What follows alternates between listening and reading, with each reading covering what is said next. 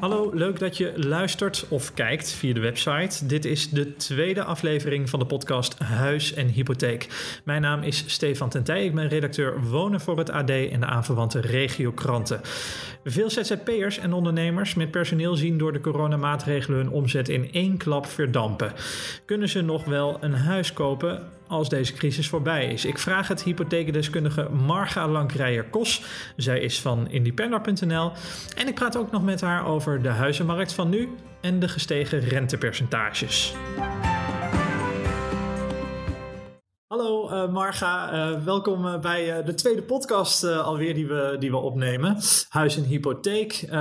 ja, we gaan gelijk starten met de rentepercentages. Want dat is waar iedereen in mijn omgeving het toch over heeft. Want hij is toch wel wat omhoog gegaan de afgelopen weken. Hè? Klopt. Nou, vanaf inderdaad dat de overheid met maatregelen kwam voor corona, is het uh, echt wel uh, gestegen. Uh, we zien nog steeds rentewijzigingen binnenkomen. Als je kijkt naar de 10-jarige NHG-rente, dan is die ongeveer 0,18, 0,19 gestegen. Als er partijen zijn die gewijzigd hebben natuurlijk. Maar de meeste partijen hebben wel nou ja, één of meerdere rentes en ook misschien nog wel meerdere keren gewijzigd. Ja. Ja, en dan weten we nog niet hoe die zich verder gaat ontwikkelen. Hij zou zelfs weer iets naar beneden kunnen gaan. Uh, ja, of verder kunnen stijgen als deze crisis uh, ja, toch zo groot is dat, dat er ook een soort financiële crisis ontstaat. Hè? Ja, klopt. Het, uh, het, ja, het kan alle kanten op. Uh, als het inderdaad heel erg de crisissituatie ingaat en het dus op risico zit, dan kunnen de banken inderdaad uh, besluiten om hem verder te verhogen. maar aan de andere kant doet de ECB ook heel veel om geld in de economie te pompen en aan de banken heel, heel goedkoop of zelfs ja. met geld toe te lenen. Dus dan kan wel weer een lagere rente betekenen. Maar ja, we weten het nu nog niet. Nee. We weten het niet. Nou goed, laten we inderdaad niet koffiedik kijken, maar het betekent dus dat je een wat lagere hypotheek nu uh, kunt nemen als je uh, nu een huis gaat kopen dan uh, zeg maar anderhalf, twee maanden geleden. Um, ja, ofwel dat je een hogere maandlast moet betalen voor hetzelfde huis. Toch? Ja, klopt. Ja, ja. Dat is het. Oké. Is het nog steeds zo druk qua hypotheekaanvragen? zie jij al iets van een crisis ontstaan? Of, nou, uh, crisis, bedoel je in de, de crisis nou, dat het nou ja. minder wordt of juist ja, uh, meer? Nou, dat, ja, dat, ja, ja nee. zeg maar. Ja, uh, het is, het, de aanvragen lopen echt nog steeds enorm door. je ziet met name de oversluiters die, die hun slag slaan eigenlijk voor die lage rente. Uh, dus ja, uh, het, het, is crisis bij hypotheekaanbieders, want zij hebben echt enorm door, uh, ja, opgelopen doorlooptijden. ja, soms zie je zes, zeven werkdagen doorlooptijd om een dossier te beoordelen. En als je dan bijvoorbeeld een foutief stuk in, instuurt en dat hè, nog een keer gaat insturen, gaat weer die zes, zeven dagen in. Dus je moet echt op tijd zijn met je, met je stukken insturen en zorgen dat dat ook goed is. Hè. Nou, meestal helpt je adviseur of de expert daarbij. Um, maar de, de aantallen aanvragen blijven nog steeds heel hoog. Maar ook nog op starters en doorstromers. Hè. Dus oversluiters zijn echt enorm verhoogd, bijna verdriedubbeld uh, bij ons. Uh, maar de starters en doorstromers lopen eigenlijk nu ook gewoon nog steeds door. Oké, ja, en voor de helderheid, de oversluiters zijn mensen die al een huis hebben, een hypotheek hebben met een wat hoger rentepercentage. En die denken nu van goh, laat ik uh, mijn hypotheek oversluiten. Ofwel bij de zelfde hypotheekverstrekker of bij ja. een andere hypotheekverstrekker een nieuwe, ja. ja. betalen ze vaak een boete voor. Maar dat is uh, de moeite waard, omdat de maandlast gewoon heel erg omlaag gaat. Omdat het rentepercentage nog steeds historisch laag is. Zeker. En vooral als je bijvoorbeeld, de meeste mensen komen van 3 of 4 procent en gaan nu naar anderhalf of 1,2. Ja, dat, dat is, uh, dan, dan levert het echt heel veel voordeel. Ja. Ja. honderden euro's minder betalen voor je maandlasten voor, voor dezelfde lening. Ja, ja, ja, voor hetzelfde huis. Hè. Je mag gewoon blijven wonen waar je woont. Klopt, ja. En, dat, En, en heel veel mensen zien we ook dat die dan extra gaan verbouwen. Of, uh, en dan voor hetzelfde maandbedrag eigenlijk uit zijn. Maar dan wel verbouwing hebben gedaan. Of misschien een stukje geschonken aan hun kinderen. Dat zien we heel vaak gebeuren. Ja. Ja, oké. Okay. Interessant. Nou, um, ik wil het eigenlijk vandaag uh, hebben over uh, ondernemers. Uh, in de breedste zin van het woord. Want ZZP'ers uh, zijn er enorm veel bijgekomen afgelopen 15 of 10 jaar. Um, hè, dus mensen die in principe voor zichzelf werken als ondernemer, een zelfstandig zijn. Ehm, en ook gewoon op die manier belasting moeten betalen en dergelijke. Freelancers zijn het. Nou, dat kunnen zowel pakketbezorgers zijn als journalisten. Of mensen die in het hogere segment, hè, die advies geven op, op bepaalde zaken. Ingenieurs zijn vaak ZZP'ers, echt de, de consultants. Um, nou, daar zijn er heel veel van. En een groot deel daarvan ziet nu ook zijn inkomen direct dalen, omdat er maatregelen zijn genomen om het coronavirus in te dammen. Um, deze mensen die lopen nu een zeker risico op het moment dat ze al een hypotheek hebben. Uh, dat lopen ze altijd al, maar, maar zeker als ze lange tijd geen inkomen hebben. En hebben wat minder kansen, denk ik, neem ik even aan, als zij een nieuw huis willen kopen. Um, wat zijn de vragen bij deze doelgroep? Heb je, heb, je, daar een beetje zicht op? Ja, er zijn uh, nou, allereerst zijn er heel veel branches die natuurlijk getroffen zijn. Hè? Ook branches waarvan je niet uh, direct gelijk aan denkt van ja, hè, de, de, de winkels zijn toch open, dus waarom zouden ze dan getroffen zijn? Maar er zijn echt heel veel branches getroffen. En we zien inderdaad, als ik kijk naar de, de, de vragen die, uh, die we binnenkrijgen, uh, dat mensen vragen hebben van ja, maar kan ik dan nog wel uh, een huis kopen? Hoe berekent de bank dan mijn inkomen? Ehm, is het wel verstandig? Wat voor buffer moet ik aanhouden? Nou, dat zijn vragen die we bij onze hypotheekadviseurs wel langs, zien, zien komen. Um, en ja, er is nog wel wat mogelijk uh, voor de ondernemers. Dus dat, dat is wel goed nieuws. Alleen moet je natuurlijk als ondernemer zijn er wel goed nadenken over, ja, kan ik het huis blijven betalen op termijn? En dat weet natuurlijk niemand, want het, de, de toekomst is echt heel onzeker. Uh, maar we zien wel dat uh, hypotheken van mensen die getroffen zijn nog wel worden geaccepteerd. Ja. Oké, nou laten we het even proberen iets concreter te maken. Ik, ken, ik heb natuurlijk uh, een, wat, groter netwerk van journalisten om me heen.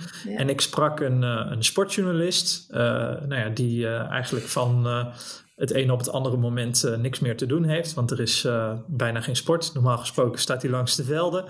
En nu ja. kan dat niet meer.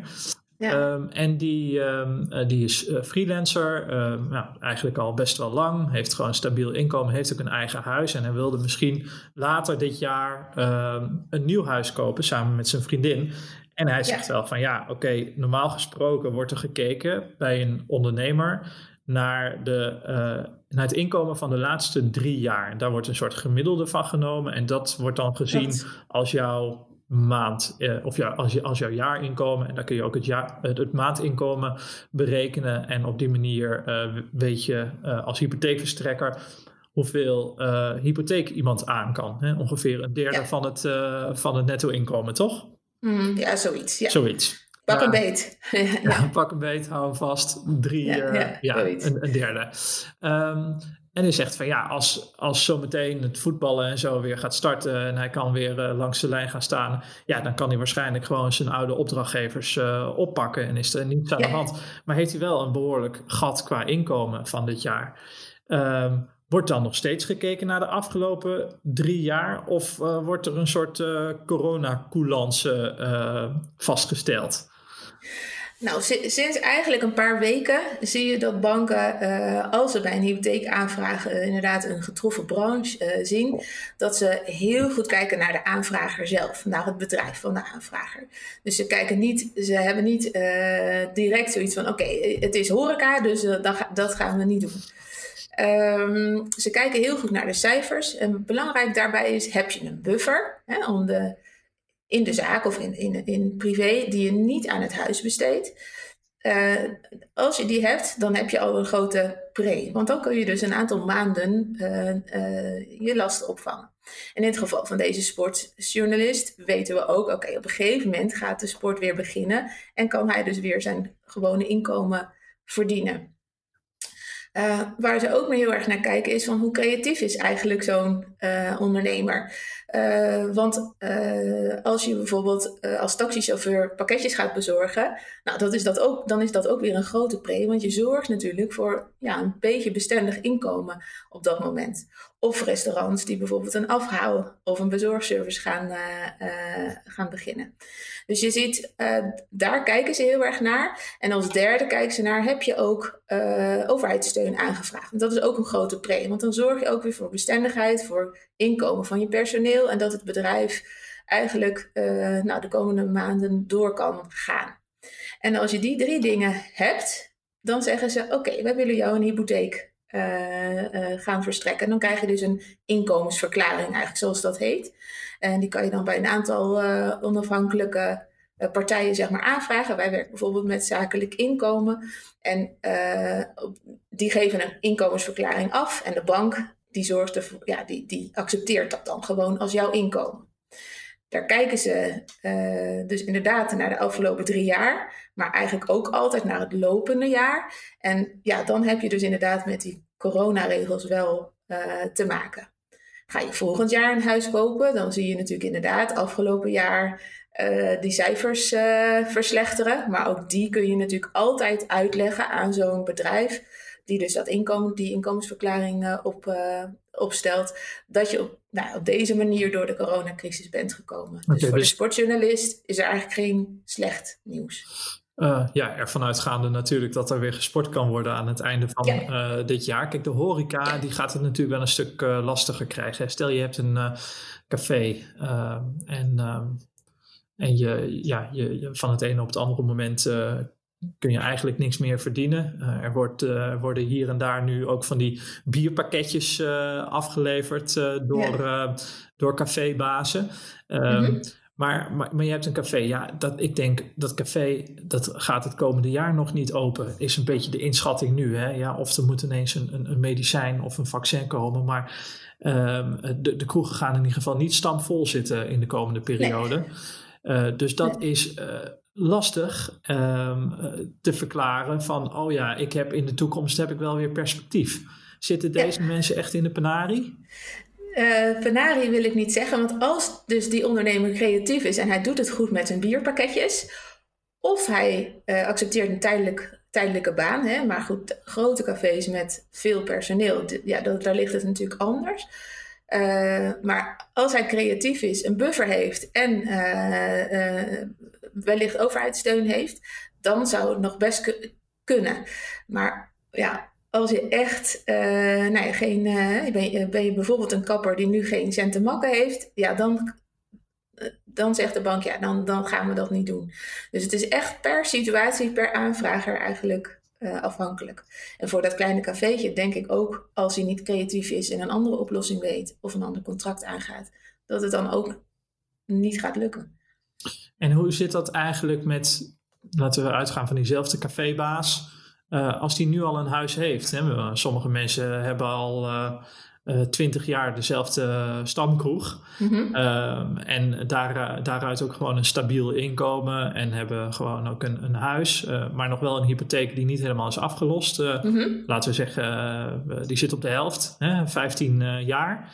Ja. Um, ja, dan heb je nog 15 jaar te gaan, uh, maar heb je even geen inkomen meer. Uh, zijn, dat, zijn dat ook ondernemers die met vragen bij Independer komen van oké, wat, wat moet ik doen? Of, uh...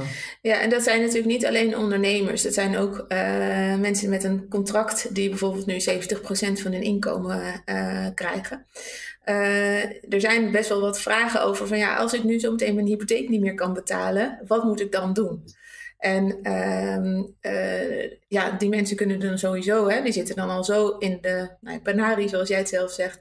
Uh, die kunnen dan geen nieuw huis kopen of een kleiner huis kopen. Dat zou ook nog tot de mogelijkheden uh, behoren. Het ligt ook helemaal aan of je je hypotheek heel erg afgelost hebt of niet. Hè. Jij zegt op de helft. Nou, het ligt helemaal aan wat voor risico de, de, bank loopt. Maar stel dat je je hypotheek dus niet meer kan betalen, ja, dan adviseren we ze gewoon zo snel mogelijk contact opnemen met de bank. Want de bank heeft van die regelingen waar je bijvoorbeeld een tijdje je maandlast niet meer hoeft te betalen. Nou, dus daar, uh, daar is echt het advies: snel contact opnemen met je eigen bank. Ja. Ja, ja en dat doen ze dan, uh, ik geloof, uh, drie maanden toetsingsvrij. Uh, wat zoiets wil zeggen dat ze niet eens gaan controleren wat dan je inkomen precies is. Want ze gaan ervan uit van, nou ja, oké, een soort uh, coronamaatregel. Prima, die eerste drie maanden hoef je sowieso niet uh, te betalen. Ja. en dan is er nog een verlengingsmogelijkheid, ik geloof van nog een keer drie maanden. Klopt, en de Belastingdienst heeft ook toegezegd oh, dat, ze, uh, dat je het langer kunt doen om het uh, terug te betalen. Want ja, als je vanaf 2013 een huis hebt gekocht, dan moet je eigenlijk jaarlijks een, je, je, hypotheek aflossen. En dat, dat, dat, bedrag wat je af moet lossen, dat jaar, dat staat ook vast. Normaal zou je dan je aftrek zeg maar, verliezen, je belastingaftrek. En nu heeft de Belastingdienst ook gezegd, je kunt het ook volgend jaar nog terugbetalen.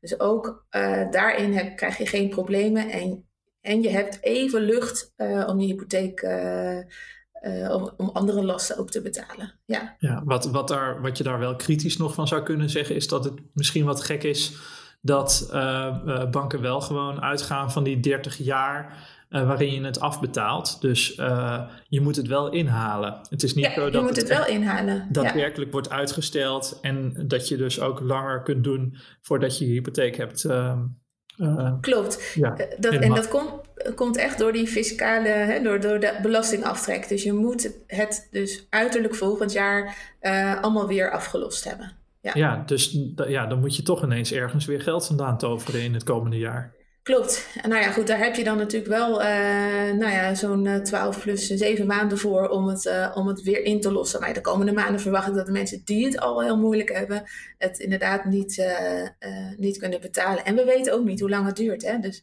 misschien zou de bank nog eens drie maanden moeten gaan verlengen op een gegeven moment. Ja. Maar ja, we hopen met z'n allen dat het toch na de zomer wel wat, wat beter is. Zeker, maar in het, in het grootste rampscenario, um, het is eigenlijk weer een heel ander verhaal, maar uh, is het ook nog zo dat, dat mocht het echt niet lukken, dan moet je geloof ik uh, ja, je huis gewoon verkopen, toch? Klopt.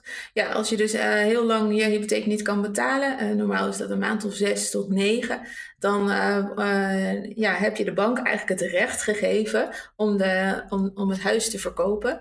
Um, en natuurlijk gaan ze eerst met jou in overleg hoe dat, uh, dat je zelf bijvoorbeeld je huis te koop zet, zodat er zoveel mogelijk marktwaarde uit het huis ge gehaald kan worden om de hypotheek af te lossen. Um, maar uiteindelijk, als dat niet lukt, wordt het huis execu executoriaal verkocht. En uh, ja, dat brengt meestal minder op dan de, de, echte, de echte marktwaarde. Ja. Dus dat is eigenlijk zonde. Nou, uh, laten we hopen dat we over een jaar of twee jaar niet ineens uh, heel veel huizen in de verkoop uh, zien die, die echt worden verkocht omdat de huiseigenaar eruit moet in plaats van dat hij er ook uit wil. ja, dat lijkt me eigenlijk een hele akelige gedachte. Het doet ook iets met de huizenmarkt. Doet ook iets met de huizenmarkt. Hè? Dus um, um, ja, dat, dat, dat moeten we nog allemaal zien. Voorlopig blijven de huizenprijzen redelijk stabiel. Um, dat zien we ook van vorige crisis, dat uh, de huizenprijzen eigenlijk pas, ja, misschien zelfs na een paar jaar gaan zakken. Uh, we hebben de financiële crisis van 2008 gehad en eigenlijk het dieptepunt van de huizenprijzen lag pas in 2013. Um, dat is niet per se een voorspellende gave of zo. Het is niet zo dat het uh, per definitie zo is dat over vijf jaar de huizenprijzen 20% lager liggen dan nu. Uh, want het heeft natuurlijk allemaal met vraag en aanbod te maken en hoe lang deze crisis duurt, hoeveel mensen werkloos worden, et cetera. Um, uh, toch wel heel interessant om te zeggen van, goh, hoe ziet die huizencrisis er nu uit? We hebben samen met jullie vanuit het AD en de regiokranten een tool gemaakt. hebben jullie veel werk in gestopt Zoveel geld moet je uh, sparen voor de aankoop van een eigen huis. Is het artikel wordt erg goed gelezen. Uh, ik scroll er zelf nu nog maar even doorheen, uh, Marga, op een ander scherm. Ja. Um, ja, daar, daar, daaruit blijkt eigenlijk dat voor alleenstaanden met een modaal inkomen en 20.000 euro op de spaarrekening het in een derde van de Nederlandse gemeenten nog steeds onmogelijk is om een eigen huis te kopen. En je kunt dan dus met een grafiek zien uh, hoeveel geld je moet inbrengen uh, op het moment dat je bijvoorbeeld alleenstaand bent en 36.000 euro verdient. Dat is een modaal inkomen. Nou, als je dan een huis van 225.000 euro wil, dan moet je al 63.000 euro spaargeld hebben. Dus dat is wel een behoorlijk, uh, ja. behoorlijk bedrag. Dat, uh, dat, ja, dat moet je bijna wel van, uh, van ouders of een andere rijke suikeroom of zo kunnen krijgen. Want als alleenstaande heb je dat niet zomaar bij elkaar gespaard. Nee. en er is ook nog een eigen geldkaart voor startende stellen gemaakt. Voor zowel Noord als Zuid. Misschien kun je er iets over zeggen, over hoe die, ja, wat, zie je eigenlijk in die kaarten?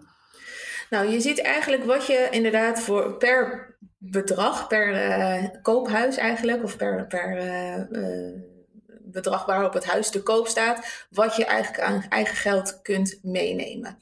En inderdaad, de huizenprijzen zijn zo gestegen dat je eigenlijk als alleenstaande nou, met minimaal eigen geld uh, nergens terecht kunt. En dat zie je ook in die regio's uh, ontstaan. Maar met z'n tweeën, dus met partner, lukt dat eigenlijk wel wat ruimer. dus ja, misschien de alleenstaande moeten uh, op zoek gaan als je een huis wil kopen. maar, kan niet maar, gaan we, moeten allemaal thuis blijven. Ja, oh ja, dat is natuurlijk... In, uh, Niemand die een partner kan vinden nu. Dat is ook waar, ja. Ja, dat is wel weer ellende. Um, maar ja, ja, het is gewoon, je moet echt een heleboel geld meenemen. En we, we zien ook wel veel schenkingen. Hè? Dus er zijn echt wel veel ouders of andere mensen kunnen je ook natuurlijk helpen. Maar meestal ouders of opa's en oma's die dat bedrag schenken aan, uh, aan die alleenstaande om toch het huis van, ja, van jouw wensen te kopen. Want meestal zie je dat dat, dat, dus inderdaad niet aan, uh, uh, aansluit. Je kan en door de hoge prijzen niet kopen, met name inderdaad in, het, in de Randstad, in het midden van het land. Maar ehm, ook dan niet eigenlijk het huis van jouw wensen. Dus als je eengezinswoning wilt kopen, is dat eigenlijk vaak niet mogelijk. Met name als je alleen staat. Ja, en ouders of inderdaad andere sponsoren die kunnen tot 100.000 euro belastingvrij schenken. Ja. Uh, als het in een huis wordt gestopt, uiteraard. Niet, uh, niet zomaar voor een hele grote auto, maar wel voor een, uh, voor een huis. Ja, tot 40 jaar. Dus de, degene die dat ontvangt, die um, moet maximaal 40 zijn. Ja. ja, en wat je nu dus ook veel ziet gebeuren, is dat uh, mensen die bijvoorbeeld al uh, ja, 30 jaar in een, in een huis wonen, huizenprijzen zijn enorm gestegen. Uh, die, die nemen een opeet, opeethypotheek, heet dat. waarmee ze dus eigenlijk zeggen van goh, de overwaarde van hun huis zetten ze in om hun kinderen te sponsoren. Zo kan dat toch? ja, dat is niet echt op, op eethypotheek. Op eethypotheek is eigenlijk dat je het zelf gebruikt en dat je oh. zorgt dat je maandlast aangevuld worden. Maar je ziet inderdaad dat mensen bijvoorbeeld hun hypotheek oversluiten. En dan uh, niet alleen de hypotheek, maar ook ophogen met die ton. Om te zorgen dat hun kinderen uh, op die manier wel een huis naar wens kunnen kopen. Dat zie je vaak gebeuren. Ja. ja. Krijg je wel ongelijkheid, hè? denk ik dan, als ik dat, uh, dat zo hoor. Ja, ik, Ouders die het geluk hebben gehad om een, een huis in de goede tijd te kopen, dat veel meer is waard geworden. Ja. Die kunnen wel hun, uh, hun kinderen zo helpen om, uh, om nog een kans te maken op de woningmarkt. En, uh, Klopt. En anderen niet. Nee, en die, die zie je meestal, hè, dus, maar goed, dat is natuurlijk wel weer een ander verhaal. Maar meestal zie je dat die mensen ook dan ook niet zoveel spaargeld hebben, omdat ze en moeten, hun huur moeten opbrengen, die in de tussentijd natuurlijk best wel veel is. En dat ze hun kinderen niet kunnen helpen. Ja. ja. dat dat brengt trouwens ook de lage rente met zich mee. Want uh, de ouders die nu een hypotheek hebben, denken: ja, als ik dan toch die ton voor uh, anderhalf procent kan lenen, ja, waarom zou ik dat dan niet doen? Hmm, ja, oké, interessant. Uh, ja, ik denk dat we de volgende keer verder praten weer. het zal ongetwijfeld deels over de coronacrisis gaan. hebben trouwens alle hypotheekverstrekkers inmiddels hun rentepercentage al omhoog gebracht of nog niet allemaal? Er zijn er twee die dat nog niet gedaan hebben. En dat is de Duitse Volksbank. Dus dat is eigenlijk geen Nederlandse verstrekker. Mm-hmm. En er is Hypotrust Goede Start Hypotheek. Dat is een, één product van Hypotrust. Die is ook nog niet verhoogd. Is dat, maar de rest een, is eigenlijk een regiepartij? Of, Ja, Hypotrust is een regiepartij, ja. Ja, dus dat is ja, niet, niet, niet een bank die het eigen geld uitleent, maar van investeerders. Van investeerders of pensioenfondsen of dat soort. Ja. ja. Ja. Maar die, ja, nog niet alle banken, maar echt praktisch alle banken hebben één of meerdere keren, bijna allemaal ook wel verhoogd. Ja. Ja, ja. Nou, we gaan het de volgende keer weer zien. We houden het bij en ook weer een ander onderwerp natuurlijk in de nieuwe podcast Huis en Hypotheek. Ik vond het fijn je even te spreken. Dankjewel, Marga. Leuk, dank jij. Dankjewel. Hoi. Hoi.